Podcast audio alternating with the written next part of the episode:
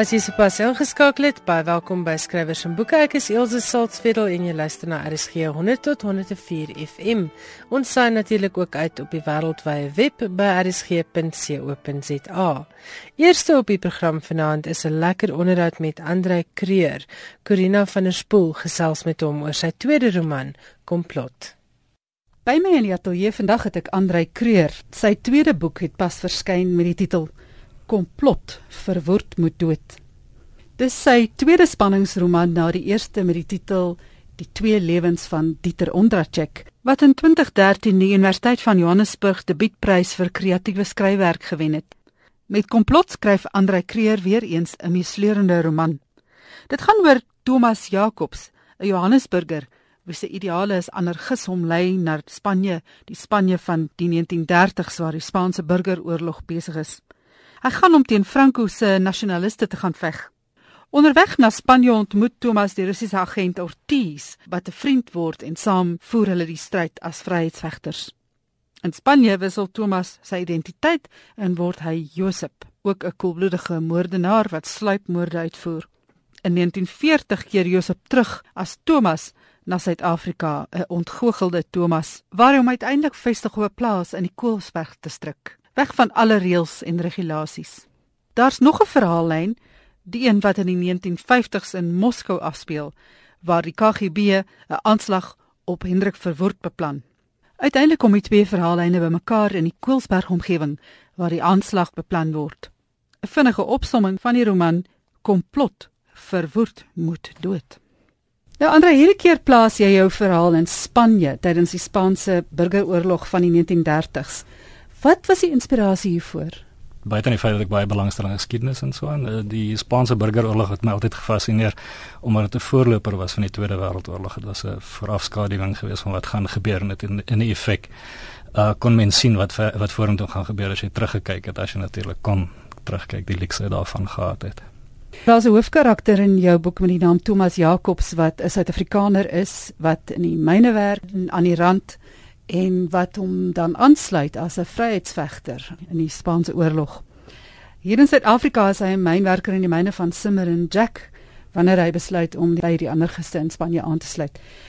Wat is dit wat tot hom spreek in daai vryheidsstryd? Ek dink is die ander belangrike ding van die Spaanse burgeroorlog wat my altyd uh, geïnteresseer het, is die die ideologiese konflikte wat daar gebeur het. Dat jy die kommuniste aan die een kant gehad en die fasiste aan die ander kant. Dit is mense baie eenvoudig kan stel. Dit is 'n bietjie meer kompleks as dit, maar dit is hoe dit gelyk het. En vir iemand soos hy wat 'n mynwerker sou gewees het wat anarchis was, is dit die enigste plek in die wêreld eintlik tot dusver waar daar ooit 'n lewensvatbare anarchistiese samelewing tot stand gekom het gedurende die burgeroorlog. Uh veral in Barcelona, uh anarchistiese kollektiewe sindikalistiese groepe het saamgewerk uh en en probeer in sin anarchistiese eksperiment probeer om te kyk of hulle dit kan doen. Voor dit het mense die idee van die klassieke anarchiste gehad van Proudhon en Kropotkin en Bakunin, maar dit was meerendeels net teorie gewees in in dieselfde sin as wat Marx teorie was op, op tot op daai stadium. En dit was die eerste plek waar hulle hulle werklik kon uitleef of probeer uitleef wat die beginsels van die anarchiste was. So vir iemand wat hier gewerk het en wat so betrokke was of aangetrokke was tot die idee van anarchisme, is dit die plek om heen te gaan dan. Maar hoekom is hierdie enigmatiese karakter Thomas Jacobs aangetrokke tot die anarchisme? Wat is sy motivering?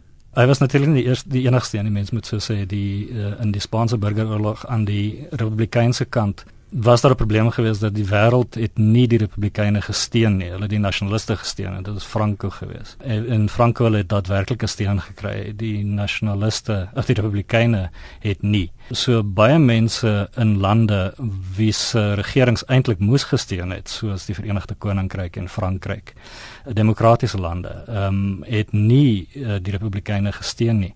En daarom het mense gevoel as gevolg van die beginsels, uh, hulle moet gaan Spanje toe om te gaan veg en net vir internasionale brigades dan gaan veg as vrywilligers vir iemand wat in 'n myn gewerk het veral op in, in Johannesburg dink ek sou hy blootgestel gewees het aan 'n vorm van uitbuiting kapitalistiese uitbuiting as mense dit so kan stel wat dit vir hom aantreklik sou gemaak het om te sien of dit mense dan as anarchis en anarchistiese kollektiewe stelsel sou kon gaan lewe. Tog interessant hoe die Afrikaanse digter Uyskriege ook aangetrek is deur die Spaanse burgeroorlog en so ook Lorca, die Spaanse digter. wat uiteindelik voor 'n vuurpeloton sterf, vermoor deur Franco se nasionaliste. En dan was dit baie lekker om die skrywer Eric Blair raak te loop in jou boek. Vertel meer van hom. Eric Arthur Blair, meer bekend as George Orwell later in sy lewe. Ehm um, hy het inderdaad gaan veg uh vir die Republikeine in die Spaanse Burgeroorlog, spesifiek oor die redes wat ek nou net genoem het. Uh die Verenigde Koninkryk was veronderstel om 'n demokratiese regering te ondersteun, hulle het nie. Ehm um, en hy was een van die mense wat geglo het hy moet gaan veg uh omdat dit regverdige ding is om te doen, die regte ding is om te doen. So hy hy het gaan veg, hy was in die by die front by Aragon gewees. Hy het 'n uh, baie goeie boek geskryf na aanleiding daarvan uh, Homage to Catalonia wat tot 'n groot deel inspirasie as, as as inspirasie gedien het vir hierdie boek. En natuurlik 'n interessante ding was daar gewees dat hy in 'n sekere sin 'n ideologiese ontgoocheling ondergaan het dan uh, in Spanje. Toe hy terugkom van Spanje af het hy besef dat totalitaristiese stelsels is die vyand en dit maak nie saak of hulle links of regs is nie, maar dit is wat beveg moet word. En as gevolg daarvan skryf hy toe natuurlik uiteindelik Animal Farm in 1984. Die subtitel van jou boek is Verwoerd moet dood en die intrige draai rondom Koelsberg en 'n aanslag wat op Hendrik Verwoerd se lewe beplan word.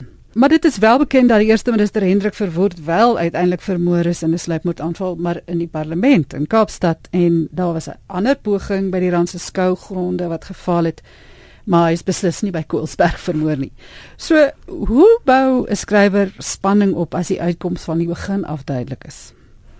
Uh interessante vraag met 'n interessante aanloop. Uh, dit is natuurlik nie die eerste keer wat dit gebeur nie en ek stel myself nie gelyk aan hom nie, maar Frederick Forsyth het uh, The Day of the Jackal geskryf oor 'n sluipmoordaanval op De Gaulle en kon nie gepubliseer word nie omdat publiseer uitgewers geglo het.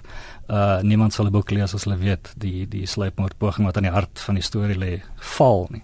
Maar ek dink nie dit werk so nie. Ek dink die intrige is altyd of die uitdaging is altyd om vir iemand aan die gang te kan sit om te dink gestel nou maar net uh, wat kon gebeur het en in in ag geneem dat daar twee sluipmoordpogings was is nie onmoontlik om te dink daar kon 'n vroeë ene gewees het en 'n komplot gewees het om een te pleeg. Dit is 'n soort voorafskaduwing in 'n boek wanneer jy praat oor al die sluipmoordpogings wat daar op Hitler was. amper 40 in totaal. Uh, mense besef dit nie altyd nie. Hulle weet van die groot bomaanval 1944, maar daar's amper 40 pogings gewees. Een wat my altyd gefassineer het is hulle het onder andere 'n bom op sy vliegtuig geplant toe hy van Rusland af van die front af terugvlieg uh, Berlyn toe maar uh, was 'n klein ongelukkie geweest dat die die ontsteker het nie gewerk nie want die vliegtuig het te hoog gevlieg en toe vries vries die ontsteker en en het die bom net nie afgegaan nie. En dit is 'n soort van 'n comedy of errors in 'n in 'n sekere vlak 'n sekere manier van kyk na die pogings sluipmoordpogings op Hitler. Sulke goed het die hele tyd verkeerd gegaan. Uh, so dis eintlik verstommend om te om te besef hoeveel keer hulle probeer het om van hom ontslae te raak en net nie kon regkry nie. Nou in tegniek sluit jou verhaal nogal nou aan by jou debuutroman. Albei is geplaas in 'n historiese tyd. Albei wissel die toneel tussen Suid-Afrika en 'n ander land. In die eerste boek se geval natuurlik is dit tussen Duitsland en en Melville. En in jou nuwe boek is dit tussen Johannesburg en Moskou en Barcelona en die Karoo. Wat is die uitdagings vir 'n skrywer om dieselfde boek te skryf? Nie? Ja, is nogal moeilik en ek het self nogal teruggekyk daarna en en die tema gesien van die verlede wat terugkom om om iemand te kom uh haal later in sy lewe. Ehm um, en ek sien dit nou albei natuurlik. Uh ek is nie noodwendig klaar daarmee nie, dit gaan dalk weer gebeur. En miskien wat ons weet dat ek 'n duister verlede wat ek iets aan moet doen en daarom praat ek altyd oor die verlede. Uh dit is inderdaad baie moeilik uh, om dit andersins te doen. Op 'n op, op hierdie stadium kan ek net sê dat dit wel geval my om dit so te doen en en miskien selfs in die volgende een uh soortgelyk uh nie die heeltemal dieselfde nie maar ek wil ook 'n uh die die sirkel voltooi in 'n sekere sin en ek dink as die volgende een uitkom wat soortgelyk gaan wees gaan ek dalk klaar wees met daai sirkel en kan ek aanbeweeg na 'n ander tipe van vorm toe. Ja, boek het baie realistiese beskrywings van Moskou, Barcelona, Spanje, Johannesburg, die Karoo. Hoe doen jy jou navorsing besoek jy hierdie plek? Koelsberg baie beslis. Uh, in my jong dae was dit waar ek al my skoolvakansies moes gesluit het in daai omgewing. Die ander nie so baie nie, ongelukkig. Uh, armoedige skrywers kan nie so intoe gaan en gaan kyk na die plekke nie. Verbeelding is goed uh en bo baie boeke lees en so aan en natuurlik is die internet nou 'n wonderlike ding. Ek het onlangs eintlik van 'n skrywer vergelykende studie gelees wat hy gesê het hy wonder vroeër het hy altyd na plekke toe gegaan om te gaan kyk hoe dit daar lyk sodat hy daaroor kon skryf en en en onderhoudend daaroor kon skryf sodat mense sou glo die die plek is werklik. Ehm um, maar nou sê hy spandeer die meeste van sy tyd op die internet besig om na goed te kyk op uh, want jy kan gewoon na, na foto's kyk uh, en en al en baie van die navorsing daar doen. Jou verhaal stel implisiet vrae oor wat is 'n vryheidsstryd, maar dit vra ook vrae oor die kwessie van ideologie teenoor beginsels. Jacobs begin as 'n idealis, maar hy raak eintlik heeltemal ontgoochel. Wil jy iets meer sê daaroor? Ja, ek dink is een van die dinge wat my geïnteresseer het uh, om om die boek in die eerste plek te skryf, die dinge wat ek wil ondersoek. Onder andere is dit die uh, beginsels uh, wat in ideologie opgesluit lê. Sommige van die beginsels uh, tot, baie keer en tot 'n groot mate is daar die edelbeginsels wat mense uh, wil 'n beter samelewing hê, hulle wil meer gelyke samelewing hê, hulle wil meer regverdigheid hê, hulle wil minder onderdrukking hê, die hierdie tipe van ding. Wat mense dryf in ideologie in. Maar die ander kant van die munt is natuurlik natuurlik die mense wat die ideologie bedryf gebruik dit om mense se beginsels uit te byt vir eie gewin wat heeltemal die teenoorgestelde is van wat die ideaal eintlik moet wees.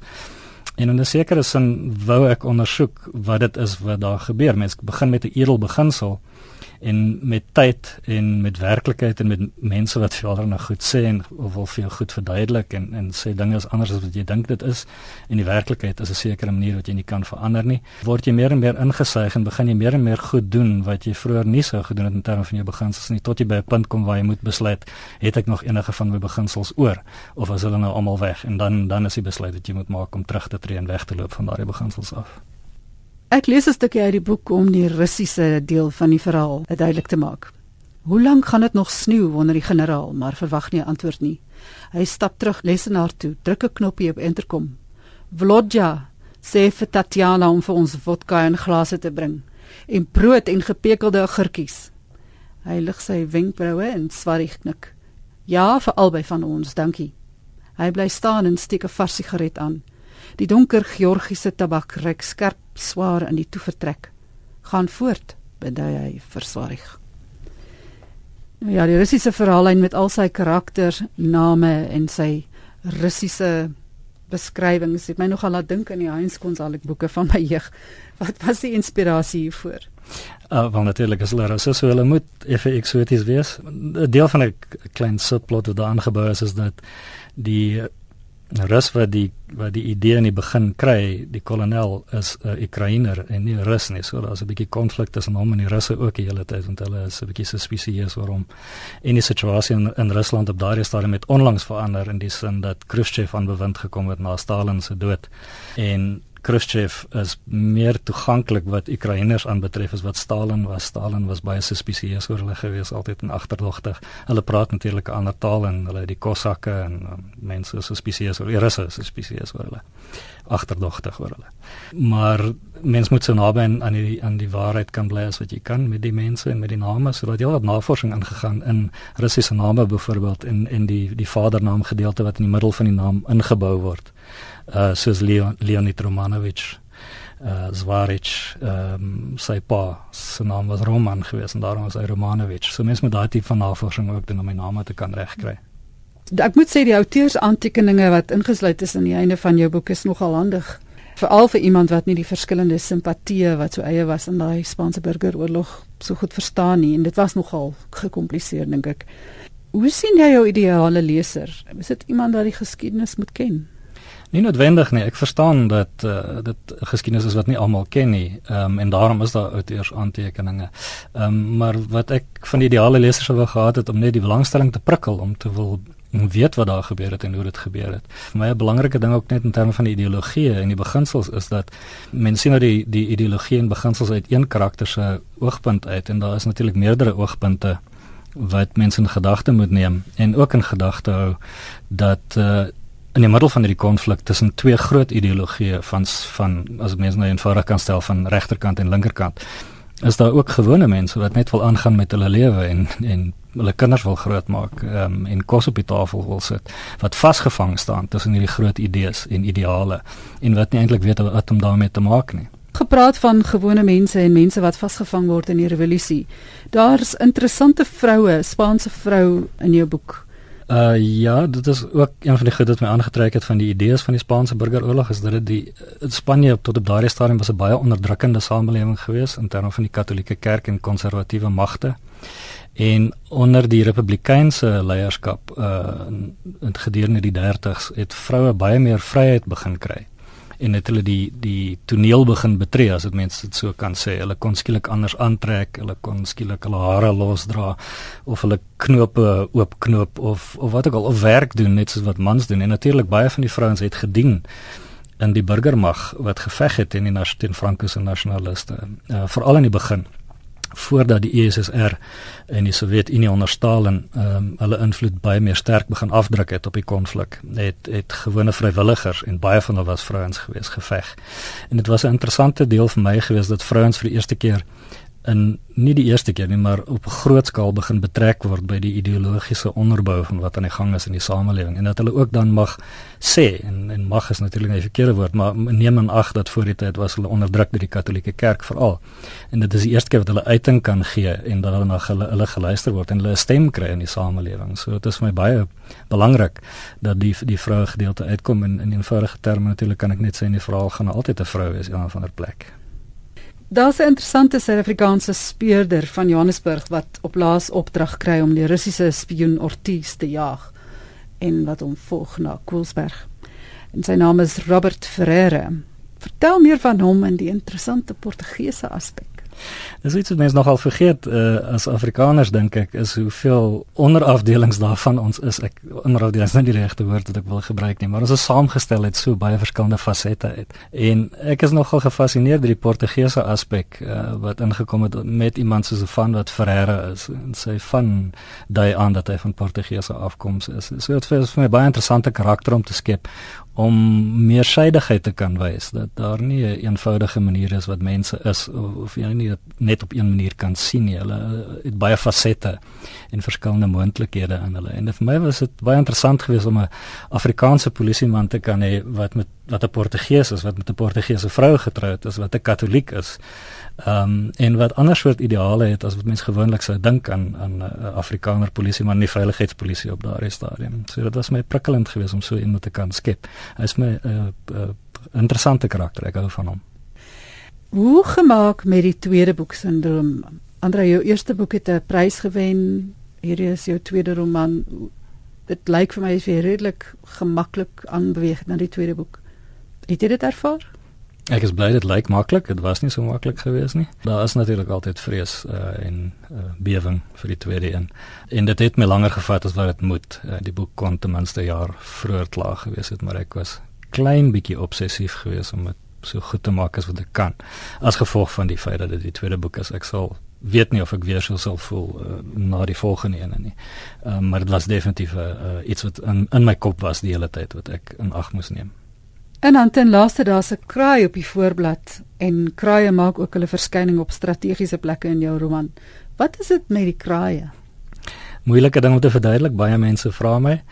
Uh ek het 'n uh, klein obsessie weer eens met kraaie. Uh ek hou baie van hulle en ek dink soos wat ek vir almal altyd verduidelik, uh ek het eendag in Melbourne uh op pad na die kunsmuseum toe deur 'n park geloop en skielik myself bevind waar ek omring was deur rawe groot swart rawe wat vir my gestaan en kyk het asof hulle gedink het ons kan jou eet maar ons gaan nie.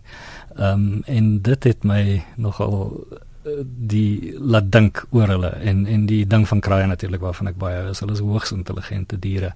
Daar's baie eksperimente al gedoen met kraaie, hoe vinnig hulle leer en hoe hulle ehm um, gereedskap kan gebruik. En hoe kraaie ander kraaie goed leer. Hulle is hoogs intelligente diere en ek hou nogal van die idee dat hulle daar sit en vir ons kyk. Hulle is 'n bietjie so spioene. Corina van der Spool het met Andrei Kreur gesels oor sy jongste roman Komplot. Dis 'n roman wat afspeel in die Koue Oorlog en word gepubliseer deur Iman en Resou. Komplot kos R270. Die bekroonde en gewilde kinderboekskrywer Fanny Viljoen het geen bekendstelling nodig nie, maar hierdie jaar het Fanny besluit dit tyd vir iets nuuts en het sy hand gewaag aan sy eerste volwasse spanningsroman. Ek gesels met hom oor Prooi. Fanny, vertel 'n bietjie van die skryfproses van Prooi. Was dit baie anders as die van jeugboekskryf? Dit was nog wel 'n ander ervaring geweest. Ehm mens moet bietjie dieper gaan trap in die karakters en jy kan eintlik 'n lekker storie of 'n 'n meer komplekse storie amper gaan skryf vir die volwassenes. Maar Prooi het begin as 'n jeugroman. Hoe word dit toe nou 'n volwasse roman? Ja, dit was 'n bietjie vreemde proses. Ek het die die eerste weergawe was as 'n jeugroman. Ek het vir my uitgewer by Lapa Mewe dit presies gestuur. En sy het sê toe vir my maar ehm uh, sy dink die goed wat hierdie karakters aanvang gaan dalk nie heeltemal geskik wees vir vir tieners nie. Ek moet die karakters bietjie ouer maak en as die karakter karakters ouer is dan word 'n 'n volwasse roman. Vertel vir ons 'n bietjie van Prooi sonder om nou al die geheime weg te gee, maar die boek gaan oor drie karakters. Die die drie karakters, ehm um, almal vreemde mense, ehm um, se lewens raak uh, verstrengel in mekaar. Die een is 'n uh, ouer hy's 'n 'n 'n hokvegter, 'n cage fighter. Dit verskriklike meer aan hom uh maak klomp drome. Dan is daar uh Cody wat die die rokjagter is. Hy's so hy's agter elke vrou aan wat hy kan kry want hy voel elke keer maar daar's iets leeg in hom. Hy kan verstaan wat dit is nie. Hy hy soek iets wat sy lewe kan sin gee. En dan tussen die twee is daar hierdie uh verskriklike mooi vrou. Sy's uh sy's so vamp uh, uh Lauren en uh albei die manne is verlief op Lauren en uiteindelik ontmoet die drie verhaallyne en is daar groot chaos eintlik tussen die drie. Jy gaan ook 'n bietjie in detail in op elkeen se geskiedenis. Jy het met ander woorde ja, ja. soos wat mense in die bedryf praat, uh jy gee hulle backstories. Vertel 'n bietjie hoe het jy op hierdie drie karakters besluit want al drie is vir my redelike eensame figure. Dit is moeilik om te sê waar die karakters vandaan kom. Um, ek hou daarvan om foto's te gebruik as ek met karakters werk. So ek het ek het gewerk met foto's vir elke karakter, maar ek het ook byvoorbeeld in die gym op iemand afgekom 'n uh, uh, ou wat my vertel het hy's 'n hokvegter en hy uh, is 'n sekuriteitswag vir uh, 'n uh, klomp hoëgeplaaste mense en hy's 'n baie vreemde karakter en ek tog okay, ek moet vir hom in 'n in 'n boek sit. Uh so karakters kom ons op vreemde manier na skrywer toe. Partykeer is dit net so is iets wat jy sien in in 'n persoon en wat so in jou agterkop vassteek en dan dink jy okay, daai aspek van hom kan jy ook gebruik in 'n storie. So dis eintlik so 'n magiese proses hoe karakters na vore kom om en en dan uiteindelik in 'n in 'n verhaal beland. Maar met die backstories wat nog interessant is van die backstory gewoonlik as jy 'n tienerboek of 'n jeugverhaal gaan skryf, skryf jy natuurlik hulle storie, maar elkeen van die karakters in prooi het uh, kon eintlik 'n tienerboek gewees het met hulle backstories uh, het ek besluit okay dit sou die basis vorm van 'n uh, moontlike tienerboek maar uh, jy kan uitbrei daarop in die volwasse boek en bietjie verder vertel as wat jy in 'n jeugverhaal byvoorbeeld sou vertel. 'n jeugverhaal se storie eindig die karakter is 'n tiener en hy as wanneer hy eindig is hy weer 'n tiener. So hierso kan jy 'n bietjie uh, die die karakter se uh, voller lyf gee amper Jy kan ook meer vertel van hulle groei. Met ander woorde, jy ja, ja. jy kan dit doen deur terugflits na hulle jeug en dan na ja. waar hulle nou is. Al hierdie karakters ja, wat wat het hulle opgemors? ja. En al hierdie karakters is so in hulle 20s en al drie loop ja. met groot verwyte en met baie persoonlike bagasie. Was dit vir jou moeilik om hulle te skep? Want jy het nie sulke issues en dinge nie. Jy's eintlik 'n baie lyk dit vir my na 'n baie goed gebalanseerde vrolike mens. dit klink interessant. Sy al dit mense skryf eintlik maar bietjie mallerig mense. Uh, ek dink in die skryfwerk kom dit op 'n manier uit, maar ek ek hou van die randfigure om om hulle stories te gaan skryf. So ek hou my oë gedurig oop uh, om te kyk of daar iewers uh, iemand is wat 'n idee kan prikkel en in 'n boek kan beland en en hulle is gewoonlik die die randfigure ek weet nie hoe kom trek hulle my so aan nie. Jy het ook gesê jy hou van die wat die karakters met die vuil hande. Ja, en elkeen van hierdie karakters het nogal een of ander ding aan hulle. Ek het toe ek skryf toe nogal jene. Ek weet nie of die mense van een van hierdie karakters gaan hou nie, nê, maar ek dink dit is dit wat hulle so menslik maak. Uh, hulle het almal hulle foute, maar daar's daar's een of ander iets aan daai menslikheid as jy nou kyk wat sit agter al hierdie probleme en al hierdie die karakters het, dan word hulle hulle word menslik en uh, ek dink dit is wat wat my nogal trek het na hulle toe en ek hoop dis wat die lesers ook van gaan hou. Die hierdie karakters met die vyande. Dit almal maar seker iewers 'n uh, 'n ding wat jy nie wil hê ander mense moet weet nie. Jou boek raak hier aan 'n baie interessante aktuelle tema met hierdie klub wat basies nie op hy word nêrens geadverteer nie, maar hy bestaan en dis 'n baie dis 'n klub vir volwassenes, dis 'n erotiese klub. Waar het jy aan daai idee gekom? Ja, ek was nie by so 'n plek gewees nie, maar ehm um, 'n verbeelding neem bietjie oor, maar ek ek, ek het gehoor van 'n plek in Bloemfontein uh, wat wel bestaan en wat deur besoek word deur 'n klomp hoëgeplaaste mense en ek dink dit was die, die saaitjie vir vir ja, hierdie klub uh, Black Valentine in Duproy. En en so sê skrywers se koppe werk oortyd. As jy so iets hoor, dan gaan jou kop verder. Jy hoef nie so toe te gaan. Ja, ja. om om dit om om uh, om 'n storie daarom te gaan te gaan bou. Ja, en ek dink nie jy raai noodwendig verkeerd nie. 'n Mens hoef net genoeg oor se se speurreekse te kyk om te weet daar's 'n onderwêreld waarvan ons gewone mense kwaliek bewus is. Ja, nee, ek dink daar's baie goeders wat gebeur in die wêreld wat waarvan ons nie weet nie. En uh, ek dink die skrywer se werk om bietjie die dinge te gaan oopkrap en gaan kyk wat daar aangaan. Fanny, ek neem aan jy werk reeds weer aan 'n volgende boek. Ek weet jy is 'n baie produktiewe skrywer. Ja, ek werk aan so 'n klomp goeie. Ek het 'n uh, paar jeugverhale wat so in verskillende stadiums van voltooiing is. Daar's so drie van hulle en ek werk nou ook aan 'n voorlegging vir kyk net vir 'n episode of 2 van ehm um, hulle reeks ons stories.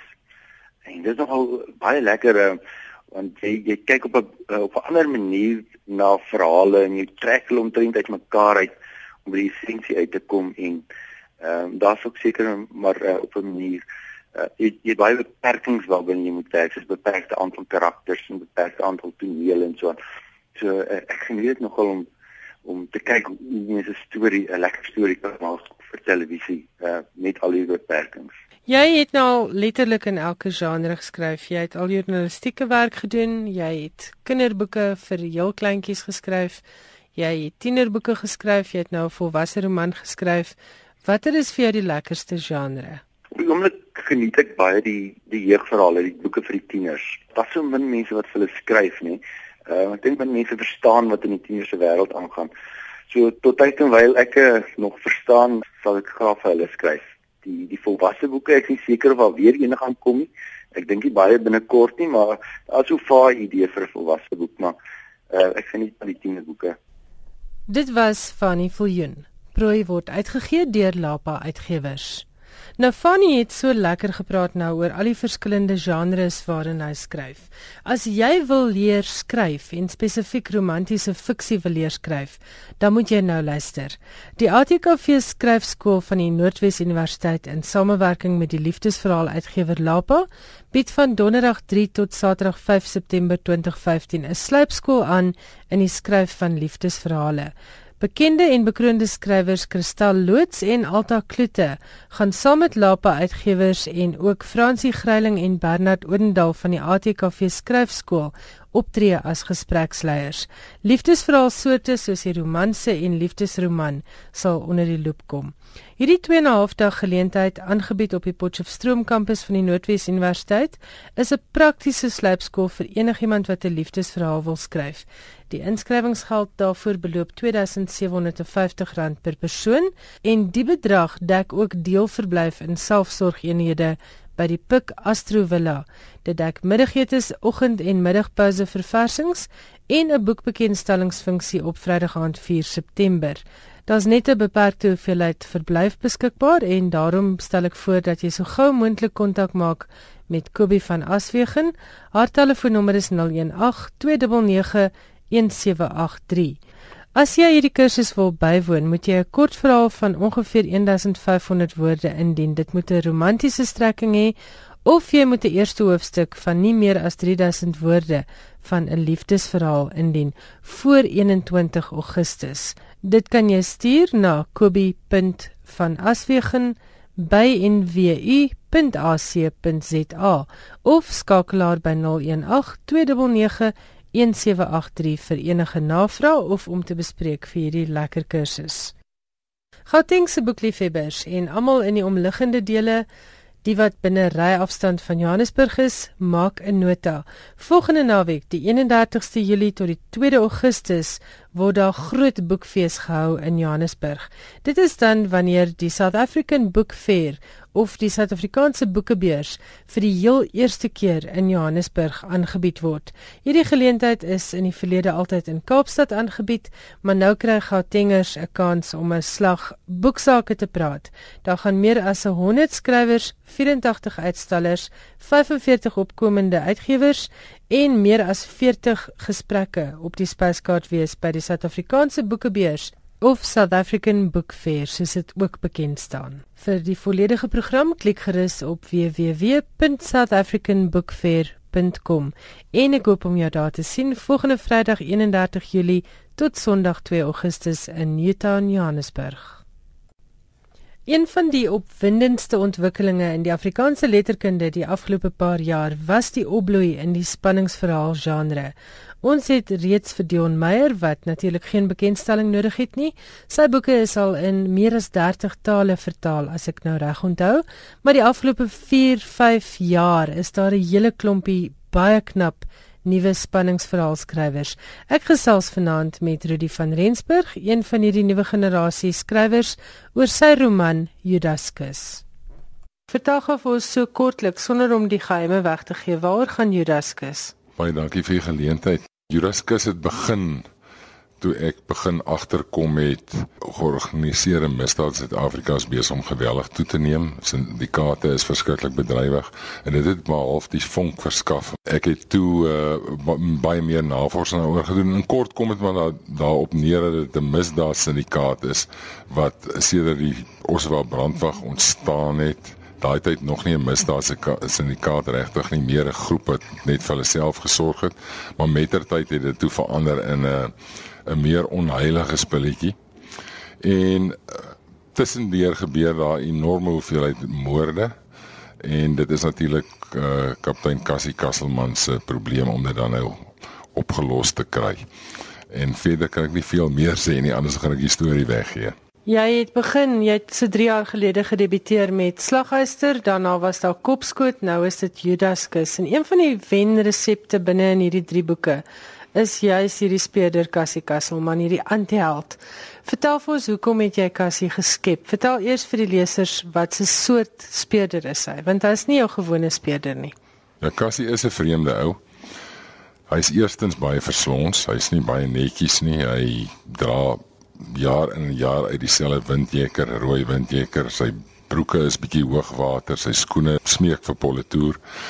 Ehm uh, Cassie is 'n fanatiese posseel versamelaar. Hy's 'n groot boere musiek liefhebber.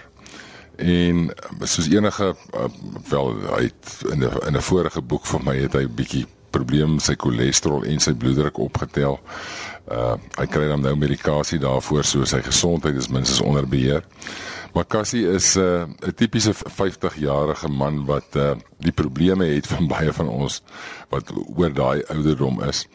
En uh, ek het probeer om nou maar 'n anti-held te skep wat die teenpool is van die ge die gewone helde in boeke soos ek kon nie nog 'n Benny Griesel skep nie en ek, ek kon nog nie van my ander speurhelde se boeke uh, skep uh, herskep nie.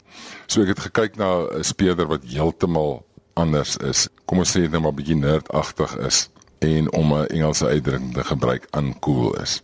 So dit is nou maar my speurder Cassie Castleman. Jy het nou vir ons vertel wat jy die die idee gekry vir Judaskus, hierdie Ossewa brandwag groepering wat vir hulle self gesorg het, dan word dit 'n misdaad nes.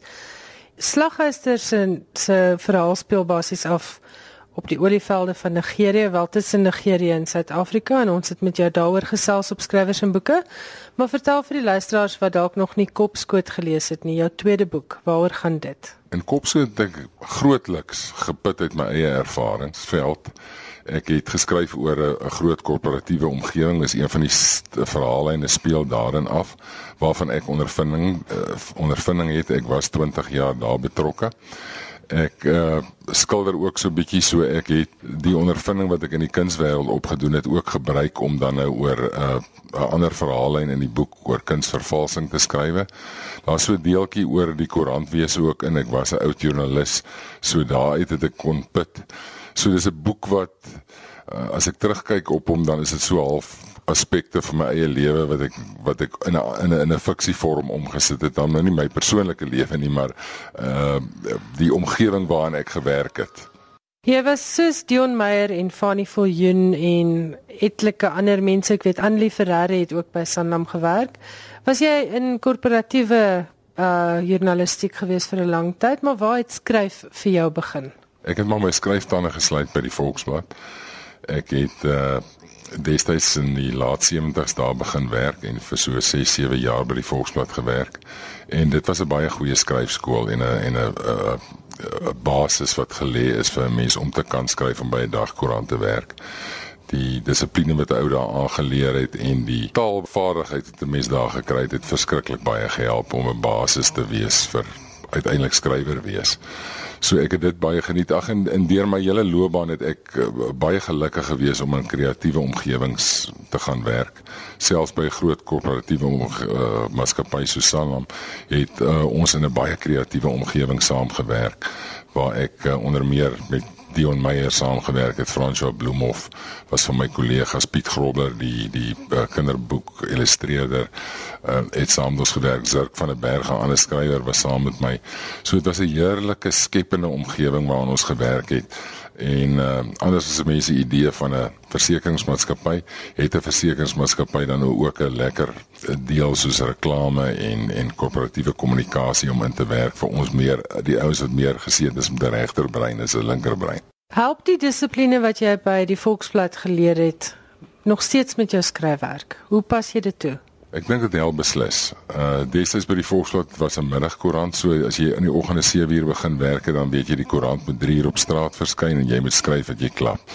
So ek probeer daai beginsels toepas. Ek gaan werk elke oggend, gaan sit ek 7uur in die oggend begin ek skrywe en ek stel my eie spertyd is 1uur dan se klaar. Uh maar ek probeer in daai tyd probeer ek 'n sekere hoeveelheid woorde skrywe. Uh, ek kry dit nie altyd reg nie, maar ek probeer minstens binne 'n redelike perk bly en, en en dit help my baie. Ek dink daai koerantdissipline het 'n groot rol gespeel om my nog gedissiplineerd te laat werk. Waar kry jy die inspirasie vir 'n storie? Is daar iets spesifiek wat 'n verhaal vir jou vonk of gebeur dit werk dit verskillend met verskillende boeke? Ek dink met al die boeke werk dit maar so. Ek lees redelik wyd en as dit nie uit 'n koerant kom nie, dan kom dit uit 'n ander nie fiksie boek. Maar ek uh, ek probeer my gedagtes amper skoon, my lei skoon maak voordat ek 'n nuwe boek begin en dan lees ek sommer rondom bond en oor enige iets. En uh, dan baie maal in die heel kleinste koerantberig hier sal daar iets gebeur wat my aandag trek en wat ek besef ek moet dalk 'n bietjie meer hieroor nalees. Dit kan 'n mag 'n storie wees en so gebeur dit maar.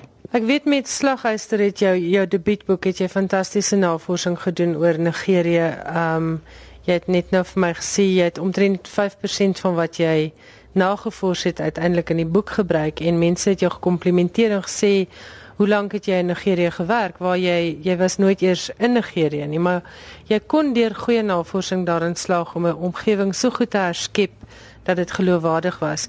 Hoe werk navorsing vir jou? In daai spesifieke geval was ek eintlik vreesbevange dat mense gesê ag maar die ou skryf 'n klomp nonsens hy ek wat in Nigerië was kan sien dit is nie die waarheid nie. So ek het ontsettend moeite gedoen om om so breed as moontlik navorsing te doen met mense te gesels wat daar was en daar gewerk het.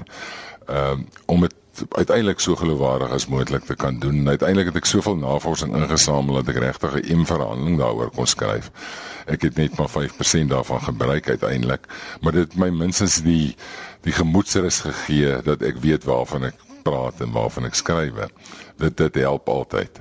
So navorsing speel 'n groot rol en in 'n in 'n mindere en 'n meerdere mate soms in in sommige boeke so slaguister het navorsing 'n geweldige rol gespeel en in 'n boek soos Judas Kus het dit so 'n bietjie van 'n ondergeskikte rol gespeel en was dit meer suiwer fiksie. Maar jy maak steeds doodseker dat jou feite reg is rondom dinge byvoorbeeld soos 'n misdaadtoneel en hoe die hoe die polisieproses werk. Waar kry jy daardie inligting? Gaan sit jy byvoorbeeld ooit saam met speurders om 'n tafel om te hoor hoe hulle koppe werk? Ja, ek doen dit gereeld. Ek het 'n kontak daar in die Bellville polisiekantoor wat ek gereeld gaan sien en gereeld bel en gereeld lastig val met vrae.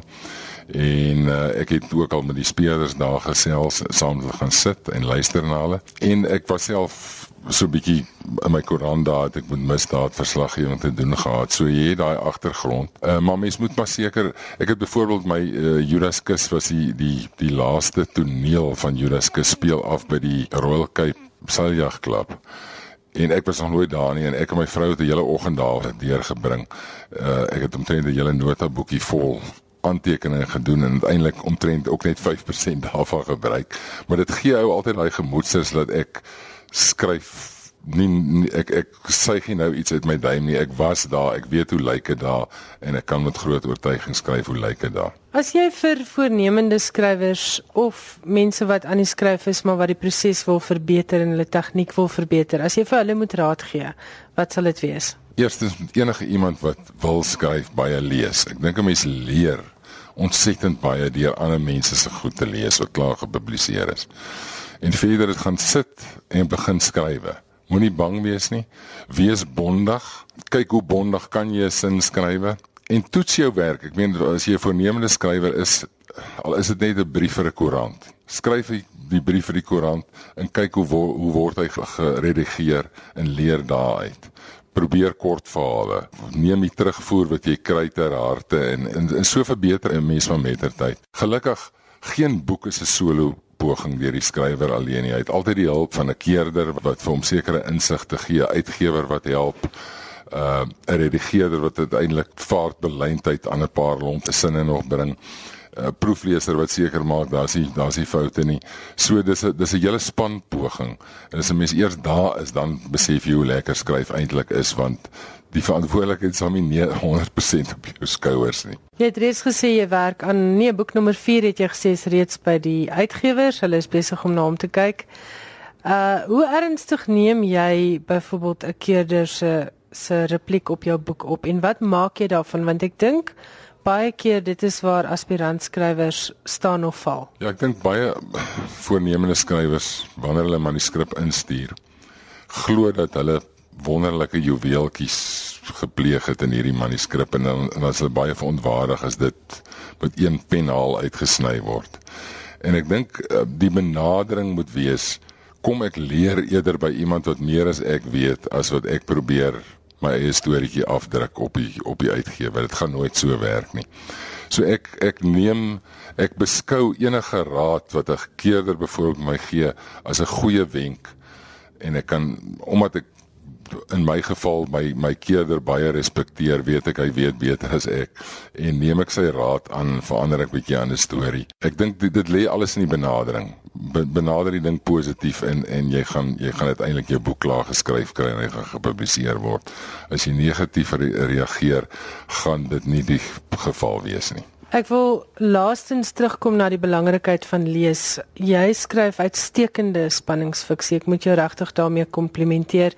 Lees jy baie in hierdie genre uh of lees jy oor die algemeen baie? En hoe belangrik dink jy is dit om te lees in die genre waarin jy skryf? Ek lees misdaadfiksie vandat ek begin Engelse boeke lees. Toe ek hier toe ek die Fritz Deelman boeke ontgroei het ek begin oorslaan na Engelse fiksie destyds. En toe die misdaadfiksie maar altyd vir my bekoring ingehou. Ek lees baie wyd.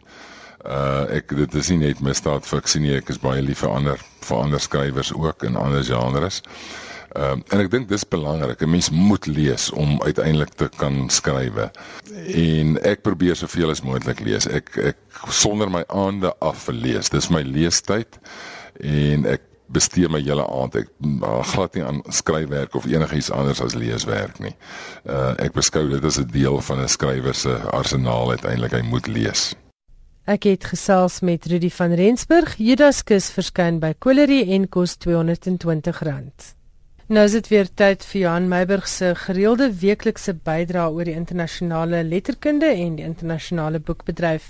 Johan, baie welkom. Dankie. Die Britse skrywer Claire Fuller het met haar roman Our Endless Numbered Days die Desmond Elliot Prys vir fiksie debuut verower. Die boek oor 'n jong meisie wie se pa haar oortuig die res van die wêreld het vergaan, word beskryf as skokkend en eindeloos mooi. Die boek speel af in die 1970s en is die verhaal van die 8-jarige Peggy wie se pa glo in 'n naderende en alles verwoestende kernoorlog.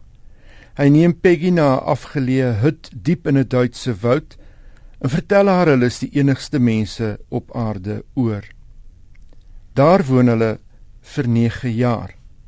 Die 48-jarige voeler het onlangs begin skryf nadat sy vir 23 jaar in bemarking gewerk het. Sy het met kortverhale begin, toe meestersgraad in kreatiewe skryfwerk aan die Universiteit van Winchester gedoen en nou sy sterk opdreef met haar tweede roman. Klink dit vir jou na 'n lekker boek? Dit klink na 'n gawe boek.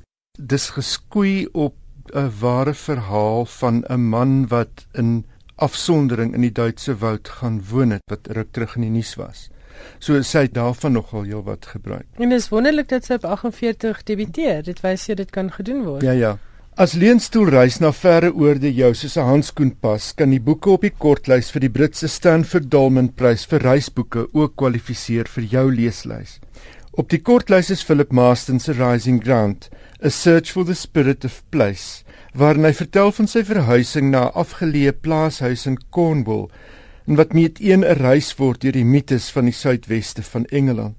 Dan staan ook Helena Attlee se Land Where Lemons Grow, 'n reis deur Italië en die geskiedenis van sitrusverbouing in die land. Horatio Clare se Down to the Sea in Ships, 'n beskrywing van die skepe wat die see van die wêreld bevaar. Nick Hunt se Walking the Woods and Water 'n verhaal op die spoor van die Brit Patrick Lee Firma se epiese 1930 strek van die hoek van Holland tot in Konstantinopel en Jens Meuling se A Journey to Russia waarin 'n Duitse joernalis die blinkligte van Moskou verlaat om 'n kluisenaarsbestaan te gaan voer in die Russiese wildernis. En dan is daar Elizabeth Pisani se Indonesia etc exploring the improbable nation waarin die voormalige buitelandse korrespondent skryf oor die land, die wêreld se vierde digsbevolkte land, maar te gelykertyd ook een wat selde in die oog is. In Stephen King se memoir On Writing gee hy advies aan enige voornemende skrywer. As jy skrywer wil wees, sê hy, is twee goed belangrik: lees baie en skryf baie. Nou dis geen nuwe advies nie. Dis advies wat al wat 'n skrywer is jou waarskynlik sal kan gee. Onlangs het King egter 'n wenk bygevoeg. Luister. Volgens die New York Times het King in 'n onderhoud gesê: "Luister na jouself. Vra jouself af: Hoe sal dit wat ek skryf klink? As jy na iets oor die radio luister, staan elke falte in 'n skrywer se werk uit. Die herhalings en die onbeholpenhede, dit staan alles uit." Het hy gesê. King se bewondering vir die gesproke woord naas die geskrewe woord kry gestalte in talle van sy audioboeke. Nou het sy Drunken Fireworks ook op audioboek verskyn. Die kortverhaal van net meer as 12000 woorde word eers later in druk uitgegee. King se belangstelling in audioboeke spruit uit 1981 toe daar in die FSA landwyse staking deur vlugkontrolleurs was. King moes per motor van Maine na Pittsburgh reis en op die rit het audioboeke sy reisgenoot geword. Omdat audioboeke nie volop was nie, het hy sy kinders betaal om boeke op band voor te lees. Iewers in die kelder in die huis is daar kratte sê hy met kassette waarop sy drie kinders die werk voorlees van James Elroy, Wilbur Smith en Frank Herbert. Die voorlesings was wel nie professioneel nie, maar die kinders het daarbey gebaat, sê King. Twee van sy seuns, Owen en Joe, het skrywers geword. Owen King, wie se eerste roman Double Feature in 2013 verskyn het, het gesê die ongewone taakie as kind het sy skryfwerk help vorm. Ek was 9 of 10 toe my pa my die eerste keer op band laat voorlees het. Die betaling wat hy gegee het was besonder ruim, maar dit was die vermoë wat ek aangeleer het om woorde te hoor wat die grootste beloning was. Ek dink dis so 'n slim ding om met jou kinders te doen. En wat jy wat jy ook aan hulle doen om hulle te help lees om hulle nuwe wêrelde ja, te laat ontdek. Die liefde vir lees hmm, en, en die gevoel vir woorde. En, en weet jy Johan, ek het die afgelope maand twee boeke gelees wat Afrikaanse boeke wat my weer diep onder die indruk gebring het van mense wat jare en jare aan hulle vaardigheid met die woord werk. Die een was Skalk Skoombie se Boomkastele en die ander een was Judaskus van Rudy van Rensburg. En uit beide boeke kan jy sien hierdie mense werk met woorde en gaan sit nie sommer net en pak ietsie liekraak aan nie maar oordink elke enkele woord en lees waarskynlik van die sinne hardop om te hoor hoe dit klink. Jy kan dit net eenvoudig in 'n goeie boek sien. Jy kan. Dit lees net gewoon makliker ja, en lekkerder. en vlotter en vlotter. ja wonderlike wonderlike vaardigheid en 'n baie slim wenk daai Met kleiner begrotings en boeke wat duurder word, kry biblioteke wêreldwyd al swaarder. Ook in Duitsland waar munisipale biblioteke aan bande gelê word deur besnoeiings, sluitings en verkorte besoekure. Verlede week het 4000 lede van die Duitse Biblioteekvereniging in Nuremberg byeengekom om die toekoms van die sowat net meer as 10000 openbare biblioteke in Duitsland te bespreek. Verlede week het 4000 lede van die Duitse Biblioteekvereniging in Nuremberg byeengekom om die toekoms van die 10200 openbare biblioteke in Duitsland te bespreek. En die agenda is nie bepaal deur paranoia oor digitale media nie, maar deur maniere om 'n sinvoller diens vir gebruikers aan te bied. Een van die maniere is besluit is om biblioteke op Sondae oop te maak. In Duitsland is daar streng regulasies oor Sondag besigheidsure. Slegs enkele akademiese biblioteke word toegelaat om op Sondag oop te maak. Boonop wil biblioteke hul e-boekversamelings uitbrei en daarvoor beding hulle nou vir dieselfde belastingkorting as wat Duitsers op gedrukte boeke toestaan, 'n skamele 7%. Die belasting op e-boeke is tans dieselfde as op alle ander kleinhandel items 19%. Wat net 'n aanduiding is dat as jy kreatief te werk gaan, dan dan is daar 'n uitweg. Ek sit nou vir jou en luister en ek dink hoe wonderlik sal dit wees as ons regering belastingkortings gee op boeke want dit gaan boeke se prys afbring en dit gaan boeke baie meer toeganklik maak vir Jan Alleman. Daar was al 'n hele paar veldtogte gewees wat wat die regering genader het met met 'n met 'n petisie om belasting op boeke te verminder of of net gewoon iets daaraan te doen. En dit het elke male het dit het dit gesneuwel. Ek dink dit is gewoon weer tyd om dit om dit aan te neem. Toe jy nou praat van die pogings om biblioteke op Sondag oop te kry. Ek het van iemand in die biblioteekwese gehoor, redelik hoog op in die biblioteekwese, dat daar uh, nou unies is onder biblioteekwerkers wat nou wil hê biblioteke moet in Suid-Afrika in sekere streke vroeër sluit want die werkers wil nie meer oortyd werk nie. Hulle wil kantoorure werk wat beteken die persoon wat kantoorure werk kan nie gou half 6 by 'n biblioteek inhardloop vir boeke nie en Saterdagoggende is dit ook net vir 'n kort rukkie oop. So ek dink regtig ons moet maar op alle fronte kyk na biblioteke want dit gaan uitsterf teen die tempo wat dit nou aangaan. Baie dankie, 'n baie heerlike sinvolle insetsel. Johan Meiberg het nou vir my twee interessanthede aangeraak. Die een is die laer boekbelasting en die ander een is die rol van biblioteke in ons moderne samelewing. Laat weet gerus vir my hoe voel jy oor beide? Ek voel dat laer boekbelasting sal help met groter geletterdheid. Ons sal 'n groter leeskultuur hê en die hele boekbedryf sal daarbey baat vind. En ek dink ons waardeer ons plaaslike biblioteke te min. Ek dink ons het almal goeie herinneringe aan die rol wat biblioteke in ons lewens gespeel het. So ek hoor graag van jou. Die SMS nommer is 3343. Elke SMS kos R1.50 en jy kan ook 'n e-pos stuur na skrywers en boeke by rsg.co.za. Volgende week is ek terug met nog geskrywers en boeke dan gesels Suzette Kotse Meiburg met Lien Botha oor haar pragtige debuut Wonderboom. Ek gesels met die kinder- en jeugboekskrywer Wendy Martins en ek wou ook by Ansel Coulson weet hoe vorder dinge met haar Kalahari boekprojek en wat beteken dit vir die mense van die Kalahari. Dis dan volgende week se skrywers en boeke saam met my Elsje Salzwetel, maar nou groet ek eers bly ingeskakel op die res van vanaand se RSG programme. Ek weet daar's onder meer nog heerlike musiek. Tot volgende week.